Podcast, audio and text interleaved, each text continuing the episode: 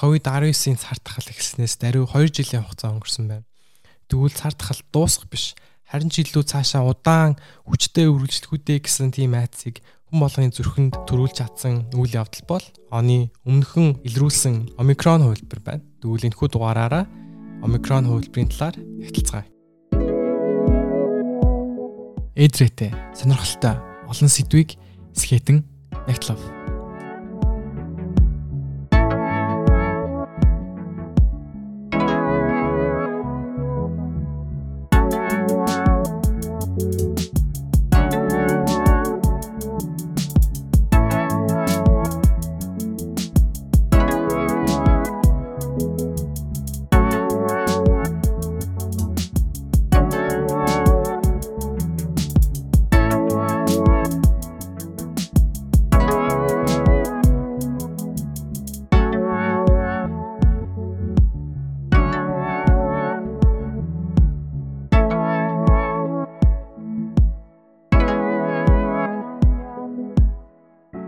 Та бүхэн шинэ оны минь төргий. Юуны төрөнд манай Нэгтлав подкаст бүтэн жилийн хугацаанд сонссон сонсогч та бүхэнд үнэхээр их баярлалаа.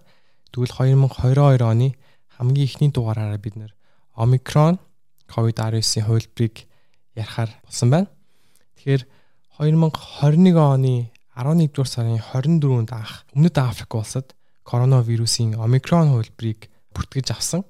Ингэснээр дэлхийд дахинд ковид гарснаас хойш альфа, бета, гамма, дельта мөн сүлд омикрон гэж гарснаар нийт 15 хувилбар бол илрүүлсэн байна.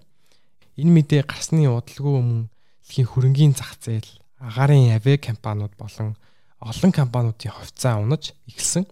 Мөн тэр ч атгай крипто зах зээлийн койнууд бас дагаад унж эхэлсэн. Сонирхуулахад омикрон гэдэг нь грек үсэг бөгөөд хин дараалалаараа коронавирусын шинэ хөлбөрүүдийг нэрлж байгаатай холбоотой өгсөн нэр омикрон гэдэг одоо үсэг нь 15 дахь үсгээ гэсэн үг бол таарч байна гэсэн үг. Өмнөд Африк улс омикрон хөлбөрийг илрүүлсэн гэсэн мэдээ гарсны даруй дэлхийн олон улс яаралтай хариу арга хэмжээнүүдийг авч эхэлсэн. Энэ үйл явдал нь урд өмнө нь авсан арга хэмжээг бодох юм бол маш түргэн шуурхай байснараа онцлогтой. Эрүүл мэндийн мэрэгчлэнүүд болон бодлого гаргагчид өмнө нь цар тахалтай тэмцэх ажиллагаанд гаргасан алдаануудаас суралцсан юм байна гэсэн тийм бодлыг маш олон хүн төрүүлсэн гэж хэлж болно. 11-р сарын 16-ны өдрөөс эхлэн одоо олон улсууд маш олон нислэгийг цуцалж эхэлсэн. Ялангуяа Өмнөд Африк болон тус улсын ойр орчмын Африкийн улсуудаас ирэх тийм нислэгүүдийг цуцалж эхэлсэн байна. Жишээлх юм бол Америкийн нэгдсэн улс гэхэд л Өмнөд Африк, Ботсван, Зимбаб, Намиб, Лесото, Сватини, Мозамбик, Малави гэсэн 8 улсаас ирэх нислэгийг шууд зогсоосон байдаг.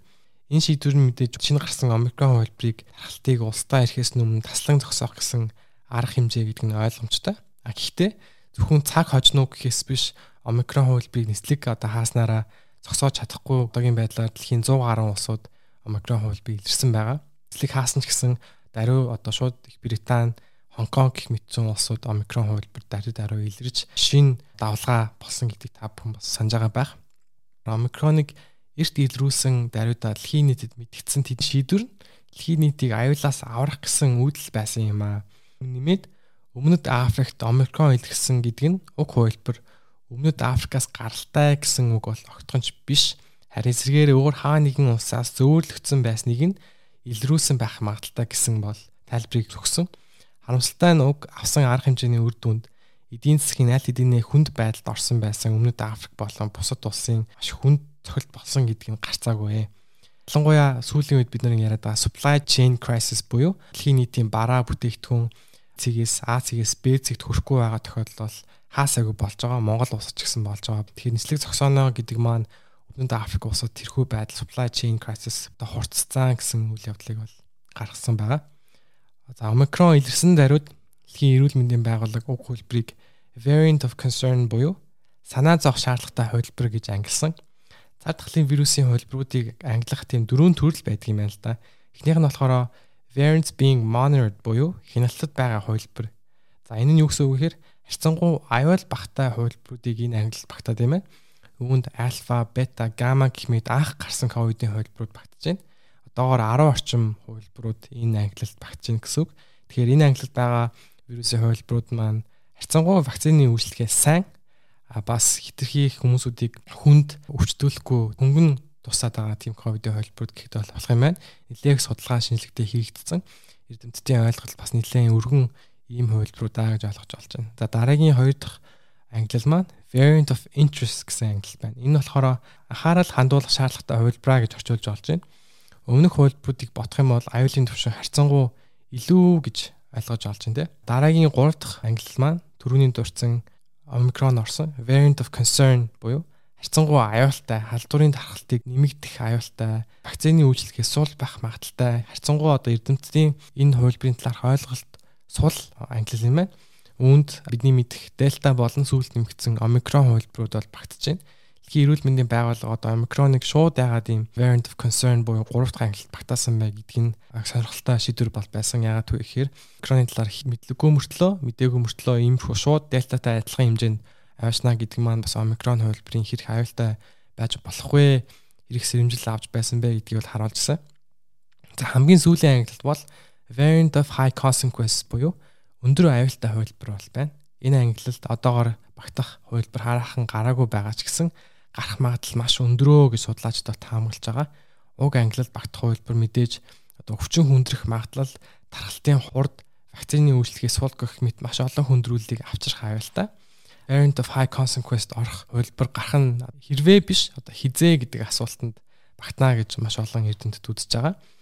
Омикрон хувилбар нь 2022 онд гараад аль хэдийн дэлхийн 100 гаруй улсад илрээд байгаа. Тэгэхээр мэдээж энэ уг хувилбарын тархаж чадварыг харуулж байгаа гэсэн үг. 12 дугаар сард Их Британи улс омикрон хувилбарын хамгийн өвчтэй давалгаа нэрвэгдээд өдөрт илэрх тоон хэдэн зуун мянгаар бол давж исэн. Нью-Йорк Таймс сэтгүүлийн он гарахаас өмнө дөнгөж өмнөхөн мэдээлснээр омикроноос өвчлөх хүмүүсийн тоон 900 мянгаар бол давсан юм байна. За уг үзүүлэлт нь шинэ жилээр гэр бүлтэйгээ уулзах гэсэн аялж буй хүмүүсийн тоотой холбоотой байж болзошгүй. Тийм учраас Америкийн нэгдсэн улсад 12 дугаар сарын сүүлийн 7 хоногт өдөрт 2000 гаруй нислэгийг бол зогсоож канселдсан ийм үйл явдал болсон байна. За тэгвэл омикрон хувилбар өмнөх ковидын хувилбаруудтай яаж харьцуулагдаж байгаа вэ? Бид нэр омикроноос үнэхээр айх шаардлагатай юу гэдэг асуултанд хариулъя. Энэ асуултанд хариулахаас өмнө бид нэр вирус хэрхэн шинэ хувилбараа гаргаж хувьсан өөрчлөгддөггүй гэдэг асуултанд хариул. Вирус шинэ хувилбар гаргана гэдэг маань энгийнээр одоо гений мутацид орж ийнэ л гэсэн үг юм байна. Вирус биес бинт дамжих явцтай олон төрлийн дархлааны стентэй одоо нүүр тулж идэг тэр болгондоо хэрхэн дархлааны цагаан асуудыг зогтох вэ? Эсвэл тэнцэх вэ гэдгийг сурж эхэлдэг гэж хэлж олно. Эднүчдийн санаа зовж байсан том төлөв бол одоо ядуу бугуурын орнуудын вакцины хүрэлцээний асуудал байсан. Хэдий өндөр хөгжилтэй орны иргэдийн их хувь нь вакцинд хамрагдаж зарим манай улс шиг одоо 3 тунд хамрагдаж сайхан мэдээ байсан боловч маш олон бугуурай улсын иргэд хоёр байтугай одоо нэгдүгээр тундаач хамрагдаж чадахгүй байсан. 12 дугаар сарын байдлаар буурын орны иргэдийн ердөө 6 орчим хувь нь л нэгдүгээр тундаа хамрагдаж чадсан байсан. Үүний уршиг нь омикрон гэж хэлэхэд болно. Вакцингүй байна гэдэг маань ковидоор хүчлэх магадлал хэд дахин нэмнэ. Түүнийхээ хэрээр вируст олон хүн дамжих бүр цаашлаад хувьсан өөрчлөгдөх тийм таатай нөхцөл болдог гэсэн үг. Омикрон буурай аффективд анх илэрсэн бол одоо бидний сайн мэдих дельта хувилбараа мөн буурай энэтхэг улсад илэрсэн нь бол та бүхэн санаж байгаа бах. Тэгэхээр анхны коронавирусын хувилбараас дельта хувилбарын уургийн бүтцэн 9-өөс 13 орчим мутац явагдсан байсан юм байна л да. Тэгвэл үр дүнд нь дельта альфа хувилбараас илүү амархан хүнээс хүнд амждаг вакцины төлөвлөсөртэй хүнийг илүү хүнд өвчтүүлдэг болж таарсан. Тэгвэл омикрон хувилбар маань 50 орчим төрлийн одоо мутацид орсон байсныг эрдэмтэд илрүүлсэн байна. Тэгвэл энэ нь эрүүл мэндийн мэрэгчлүүд болон вирус судлаачдыг омикроноос айх маш том шалтгаан болсон гэж олж байна. Тэгэхээр яагаад вэ гэхээр анх гарсан альфа хувилбараас омикрон маань тис өөр хөлбөр байсан гэсэн үг. Бидний санаа зовжсэн юм нь юу гэхээр альфа болон бета хөлбөр гаргасан вакцин маань энэ өөр 50 гаруй мутацид орсон омикронд үйлчлэх үү гэдэг тийм том асуулт биднийг бол зовоожсэн. За тэгвэл омикрон дельта хөлбраас 2-оос 3 дахин илүү халдварлах чадвартай гэж эхний ээлжний судалгаагаар үр дүн гарсан юм байна. Дельта бол аль хэдийнэ маш өндөр халдварын чадвартай ийм хувилбар байсан гэдгийг та бүхэн мэдж байгаа бах. Тэгвэл тэрнээс илүү 2-оос 3 дахин илүү байна гэдэг маань омикроны хэрэг хэмжээний охирол учруулж чадах вэ гэдэг аюулыг бол харуулж байна. Омикроны тохиоллын тоо 3-аас 4 хоногийн дотор 2 дахин нэмэгдэж байсан гэсэн судалгаагаар бас гарсан юм байна. Тийм ч учраас ойрын ирээдүйд омикроныг дельтагаас илүү дагуумгаалсан хувилбар болно гэж үзэж байгаа юм байна. За тэгвэл сонсогч та бүхний маань хамгийн их мэдхийг хүсэж байгаа зүйл нь бидний тариулсан вакцин омикрон хувилбарын эсрэг үйлчлэх үү гэсэн асуулт байгаа. За энэ асуултанд хариулахын тулд судлаачид омикроны вирусын төрлийг төрөл төрлийн вакцин хийлгэсэн хүмүүсийн цустай хольж эсрэг биед ямар нөлөө үзүүлж байна вэ гэдэг тийм туршсан судалгаа хийсэн юм байна. Тэгэхээр өмнөд аврагт хийсэн судалгаа харахад Pfizer вакцины 2 тонтой хүн омикроны эсрэг 33%-ийн дархлаатай байсан байна.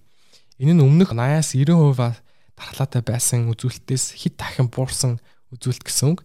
Харин эсрэгээрээ одоо AstraZeneca, Sinopharm гэх ялангуяа монголчуудын ихт хариулсан вакцин омикроны эсрэг бараг л үйлчлэгээ байхгүй хамгаалалт байхгүй байдалтай байсан байна л да. Энэ нь тэгэхээр одоо Pfizer, Moderna хэлгээг хүмүүсийн хувьд бол маш муу мэдээ гэдэг нь бол гарцаагүй. Харин нэг сайн мэдээ байгаа нь юу гэхээр бустер буюу 3 тутамгаа илгэсэн тохиолдолд омикроны эсрэг хамгаалалт 80-аас дээш хувьтай болж ирсэн байна. Омикроны улмаас хамгийн их одоо хүнд өвчлөх магадaltaй хүмүүс бол өмнө нь ковид тусаагүй өмнө нь нэг ч удаа вакцин хийлгээх хүмүүс байгаа. Харин хамгийн сайн хамгаалалттай хүмүүс бол 3 тунгаа илгэсэн ийм хүмүүс бол байж тарж байна гэсэн үг юм байна. Тэгэхээр энэ мэдээ маань биднэрт муу болон сайн мэдээг авчирж ийн гэсэн үг.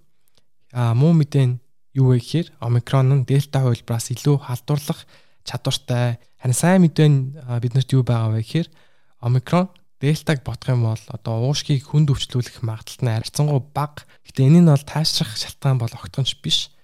Аа бас нэг өөр сайн мэдээг үл ковид туссан ч гэсэн им уух тийм боломж бас бид нар нэгдэж эхэлж байгаа юм байна. Pfizer компани сайхан гаргасан имийг шинж тэмдэг илэрснээс хойш 5 хоногийн дотор уух юм бол хүн дээр өвчлөх магадлал одоо 80%-аар буурч исэн зүйлд гарсан юм байна clinical trial гэж ярьдаг. Одоо эмийн шинжилгээг 2000 хүнээс авахд тухайн хүмүүсийн нэг нь ч амир стэйгүү ковидос бол насаа бараагүй гэсэн сайн мэдээ бол гарсан юм байна. Энэ хэдий ч одоо вакцин байхгүй эсвэл бустер хийх боломжгүй маш олон буурай улсуудад бол сайн мэдээ болж байна. А гэтээ уг юм нь хэрэглээ батлагдсан даруйдаа маш цөөхөн тоогоор гарнаа гэсэн ихний ээлжин төлөвлөгөөтэй бол байгаа юм байна. Энэ Америкийн нэгдсэн улсад омикроны эсрэг өвдөх магадaltaй бас хүн дээр өвдөх магадaltaй тэр ухаан хүмүүст энэ юм маань FDA буюу Америкийн эмийн байгууллагаар баталгаажсан дараа хэрэглэгдэж эхлэх төлөвтэй байгаа юм байна. За манай улсын хувьд омикрон хувилбар бас санаа зовж байгаа асуудал бид нар жил гарan бүл хорионд байсан. Энэ маань манай улсын маш олон хүний эдийн засаг болон эрүүл мэндэд маш хүн дээр хохирол учруулсан. Одоо л бид нэр бас ковидын тохиолдол маань буураад ердийн амьдрал руу орж байгаа ийм үед ал амьдарч байна. Тэгэхээр хэрвээ ийм өндөр халдварлах чадвартай омикрон Монголд ороод ирэх юм бол бидний одоо эрүүл мэндийн салбарын ачаал нэмэгдэх мөн буцаад эргээд хөл хорионд орох магадлал өндөр болж ирнэ. Тэгэхээр энэ дугаарыг бичиж байгаа өдөр буюу 1-р сарын 3-ны өдөр омикроны тохиолдол хараахан бүрдэгдэж амжаагүй юм сайн мэдээтэй байна. Гэвч омикрон Монголд орж ирэх нь одоо хэрэг биш хизээ гэсэн асуулт бол таарж байна. Харин орж ирэх үед нь хэр сайн бэлэн байж чадах вэ гэдэг тийм том асуултыг бид нар өөрөөсөө асуух шаардлагатай болж ирж байна л да. Тэр хамгаалтанд дэлгэмээ сайн байх шаардлагатай болж байна. А мөн одоо засгийн газар хэр сайн арга хэмжээг авч омикроны вирусыг хэмжээнд хүрэхгүйгээр дорхон дарж чадах вэ гэдэг энэ том ажил бидний урд байна. Thank you